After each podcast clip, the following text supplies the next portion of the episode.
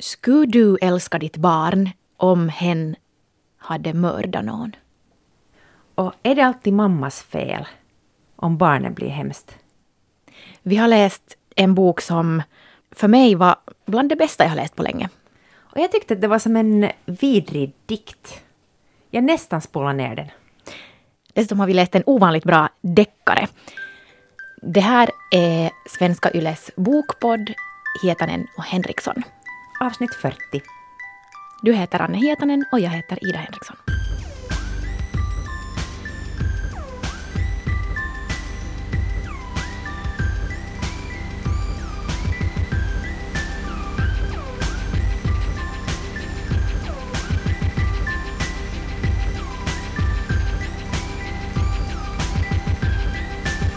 Idag har vi två böcker.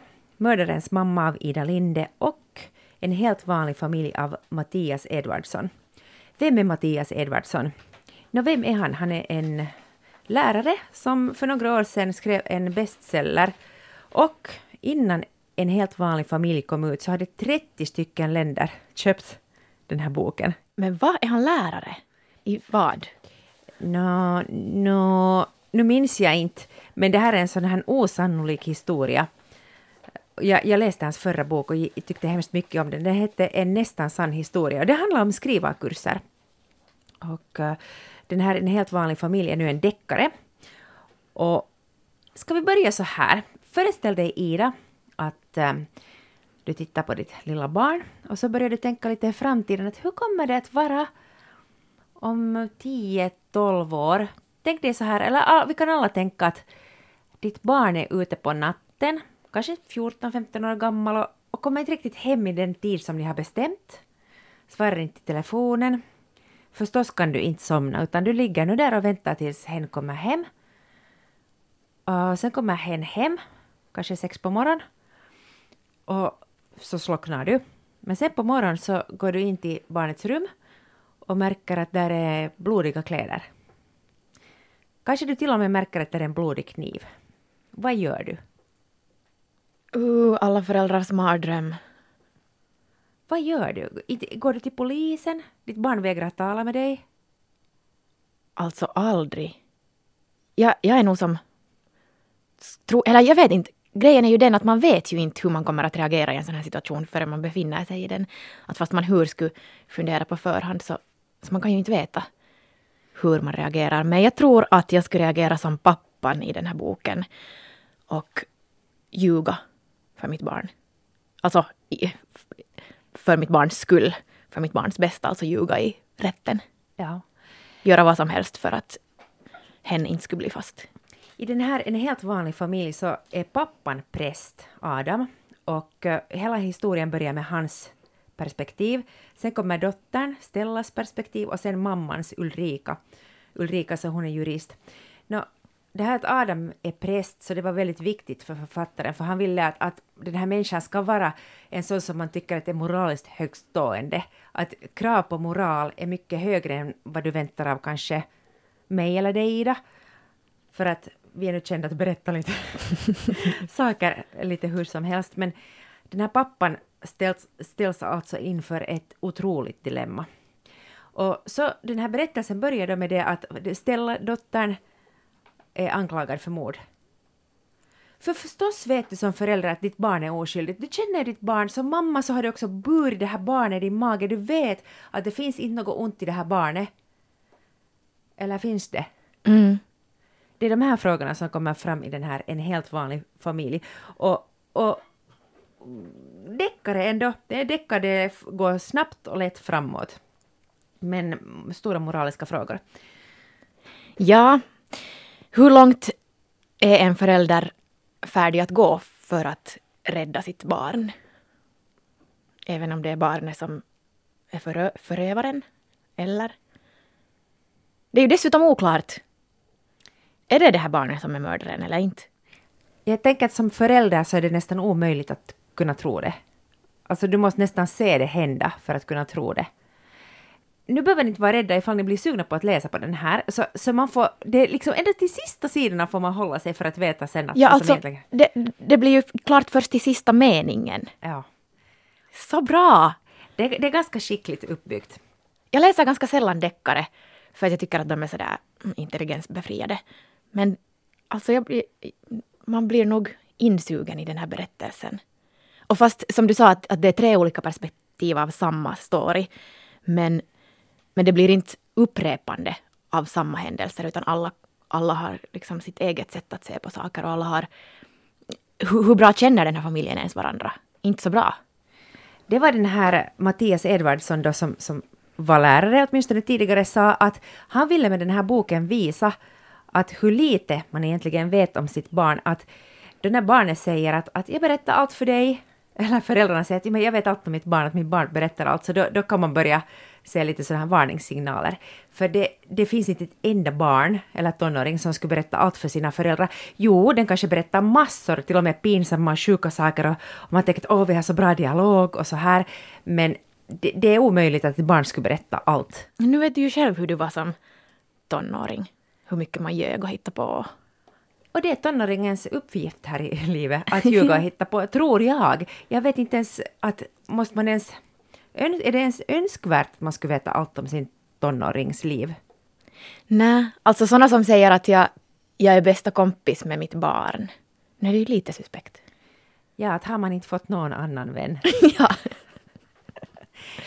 Nej, men jag kan förstå det sen när man båda eh, har passerat medelåldern, så kanske då. Men nu ska väl en förälder kanske gärna vara också en förälder. Alltså jag är jätteglad att du gav den här boken i min hand. Inte det är ju kanske världens djupaste, liksom på ett litterärt plan. Men äh, spänning istället för att titta på en titta på, på Netflix. Faktiskt, det här skulle kunna bli en, en serie. Jag kan se att det här skulle kunna ganska bra funka som en riktigt hyfsad tv-serie också. Det som är ganska intressant, det är pappan här som, som utsätts för prövningar när det kommer till kärlek gällande sitt barn. Men vanligtvis så är det ju alltid mamman som man ifrågasätter för att det finns den här tesen om att en moders kärlek är alltid ovillkorlig. Du, du kommer alltid att älska ditt barn. Och jag undrar varifrån den här tesen ens har kommit. Och, och är det så?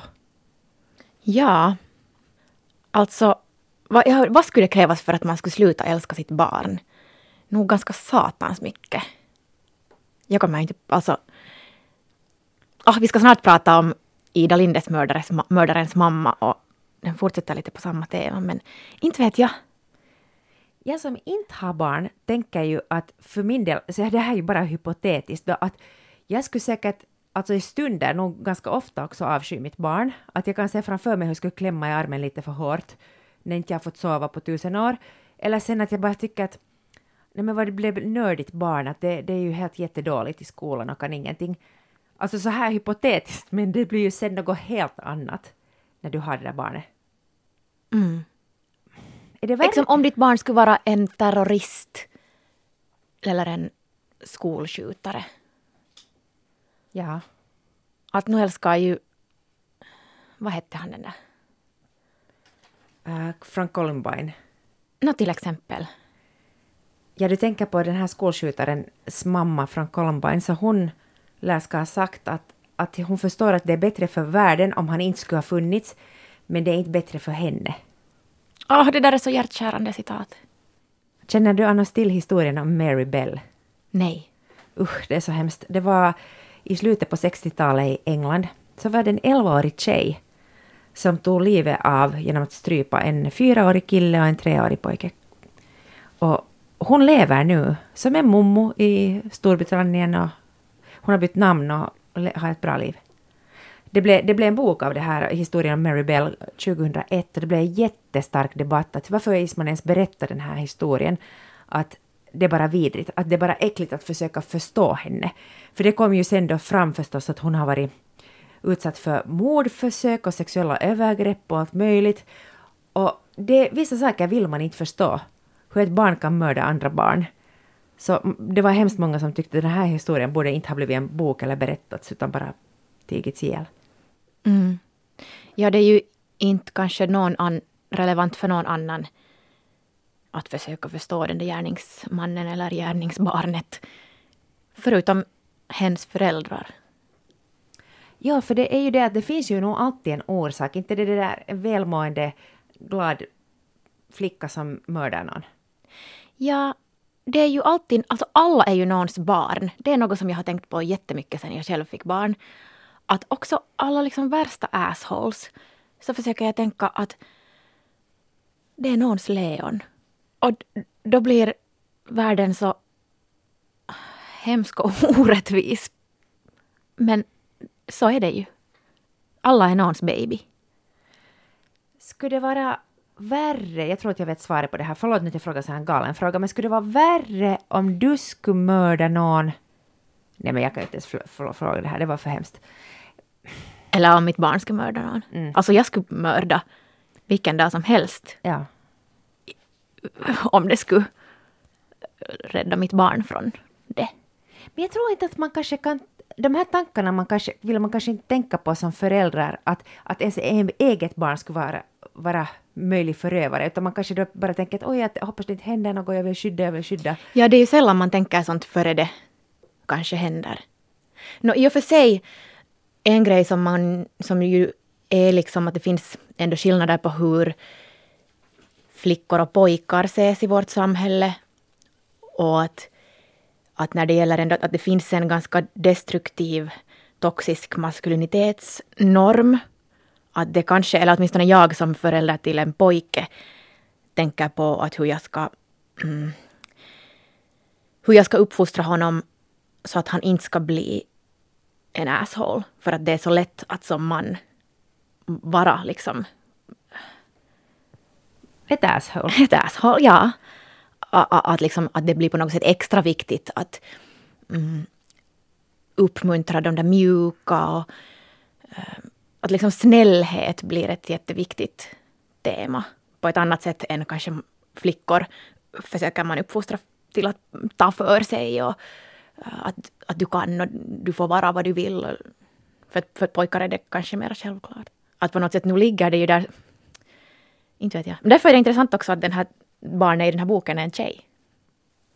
Ja, och att det är pappan som har de här st största moraliska dilemman. Mm. För det, det, är lite ovanligt, för att man tänker att, att nej men pappor, det är nu, det är nu lite si som så. Eller kanske man inte tänker så mera, men, men mammor ska vara beredda att offra allt. Det är alltså en dålig mamma, en dålig kvinna om hon inte... Hon ska faktiskt ljuga för polisen, hon ska mörda själv, hon ska göra vad som helst. Mattias Edvardsson har fått jättebra recensioner, har inte blivit recenserad på de fina sidorna förstås. Men, Nej, just det, jag tänker det. Ja, det var, det var ingen... Det, det är på bloggar som, som man kan läsa recensioner där och då har de flesta gett fem stjärnor och sagt att om du gillar Malin Persson Giolitos störst av allt så kommer du att älska den här. Och de, är ju, de påminner lite men ändå inte alls. Jag tyckte personligen nästan bättre om den här. Den här var nog liksom lättare att ta till sig. Ja.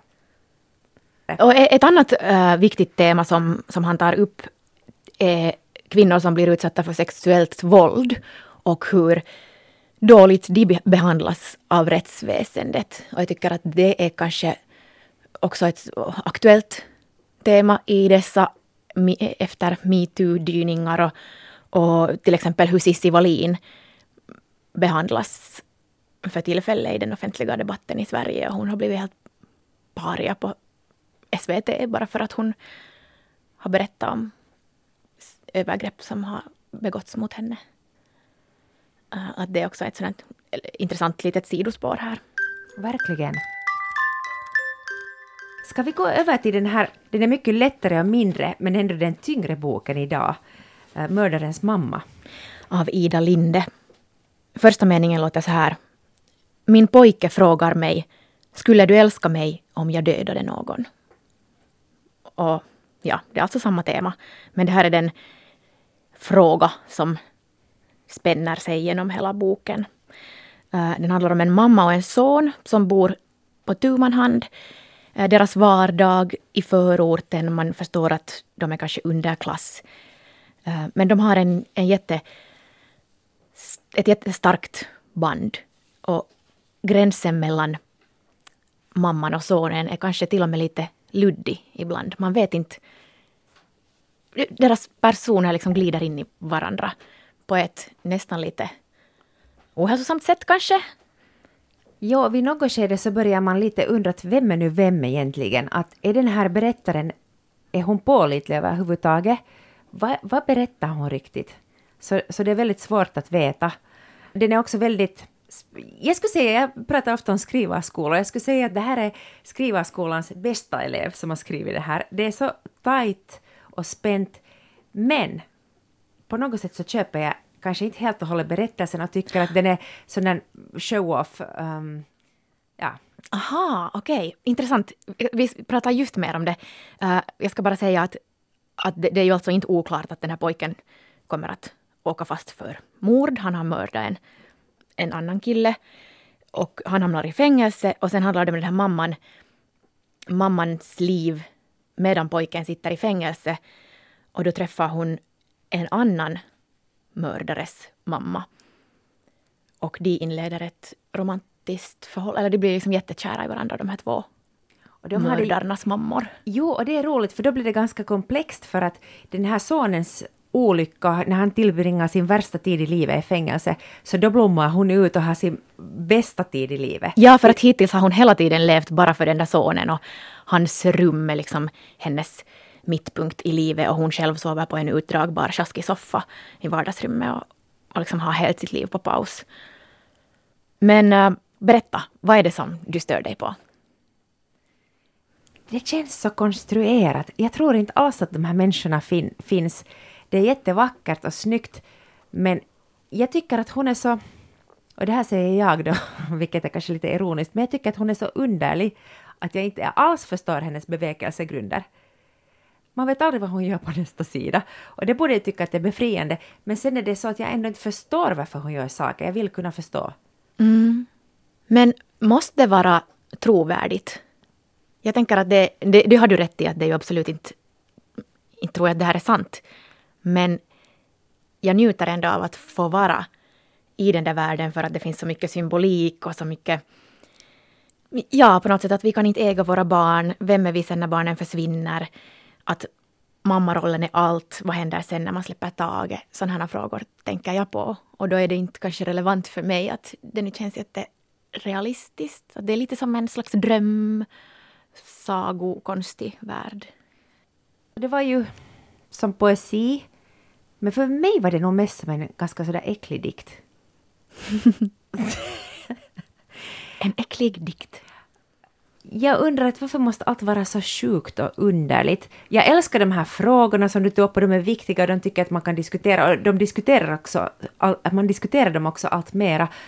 Uh, Linda Skugge har ju skrivit till exempel om det här med empty nest syndrom när barnet flyttar ut. Man behöver inte nödvändigtvis gå i fängelse, men att när din identitet har varit mor och titeln på boken är ju också, hon har inte sitt namn där utan hon är bara mördarens mamma, hon är ingenting annat. Och det tycker jag är ganska intressant att just hur kvinnor till slut blir bara en mor, eller bara och bara. Det är väl ganska stort men... Ja, men att vad finns det annat kvar? Inte finns det nå. Nej, men... Så är det. Ja. Och, eller liksom hur ska man hitta tillbaks till det? Eller hitta till någon ny uh, identitet? Och sen om man inte har barn, vad, vad har man då för betydelse i världen?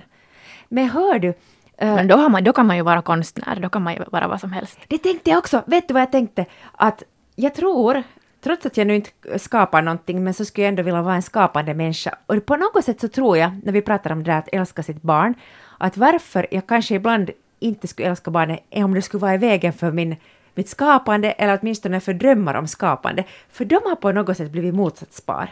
Ja, men bara för kvinnor. För att för män utesluter de ju inte varandra. Nej, det gör de inte. Tvärtom. Det där barnet kan vara en källa till eh, inspiration, vet du, mellan varven. Ja, jag tänkte bara ännu på det där att, äh, att den där...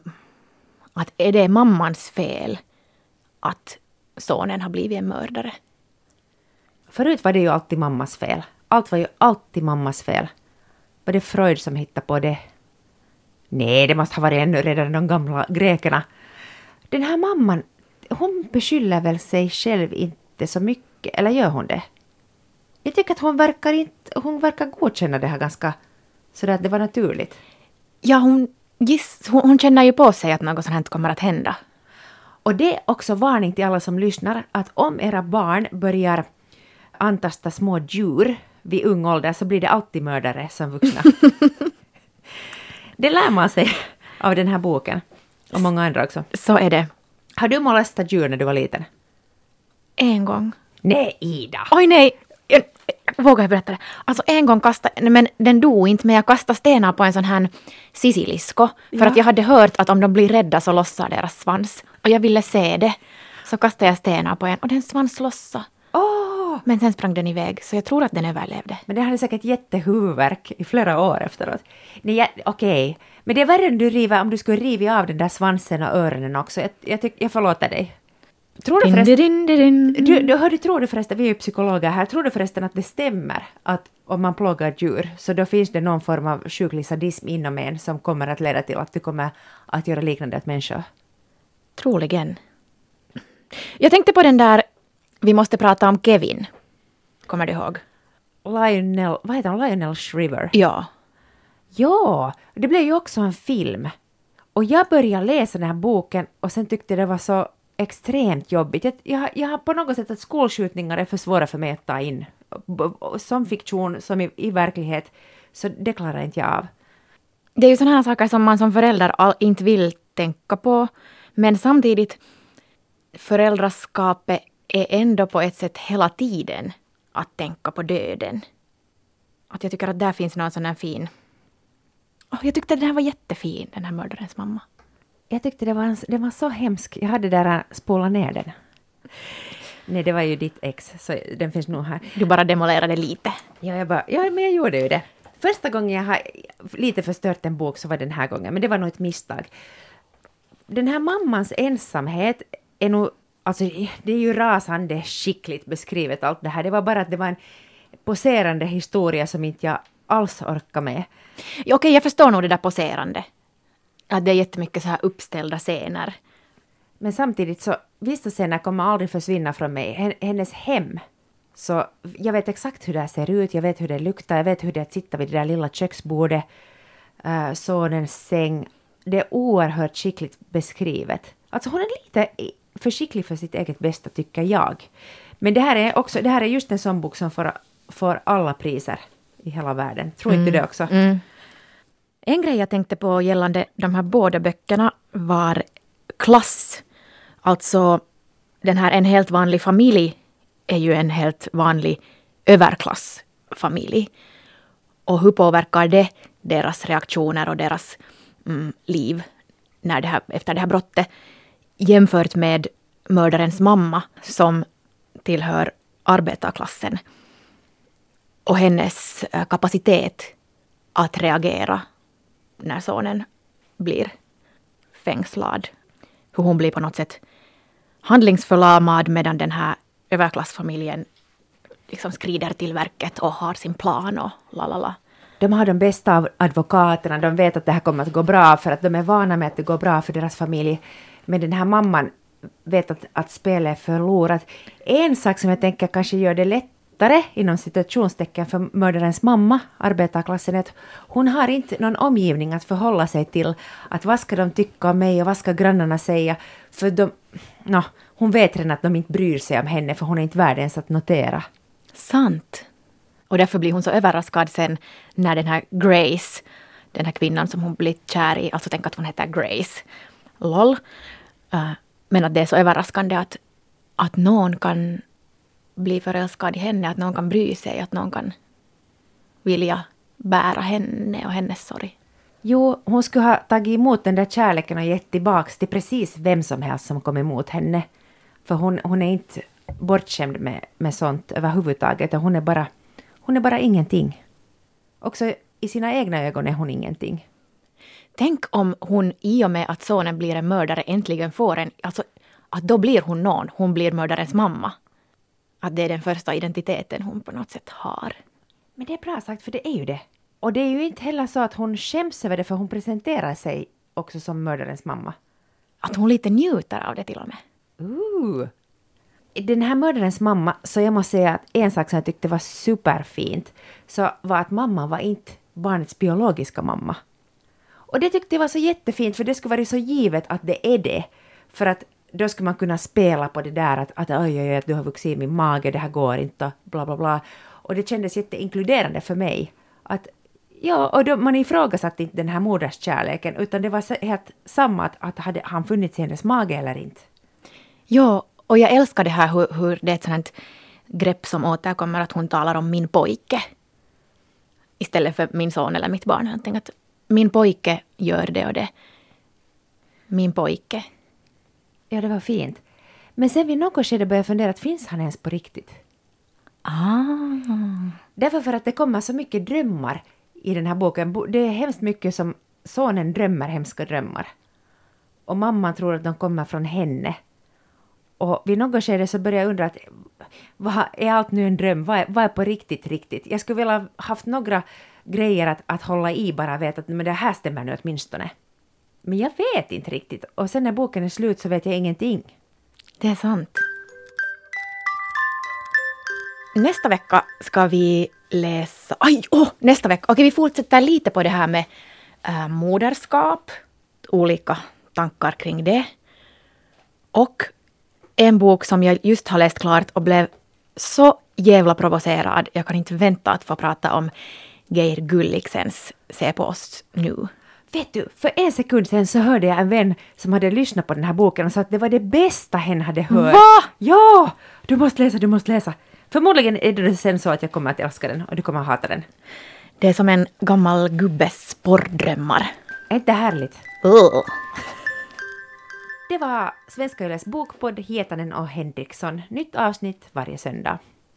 Henrik Heselius har gjort vår jingel och fotografierna är tagna av Björn Karlsson. Och vår producent heter Basse Bergholm.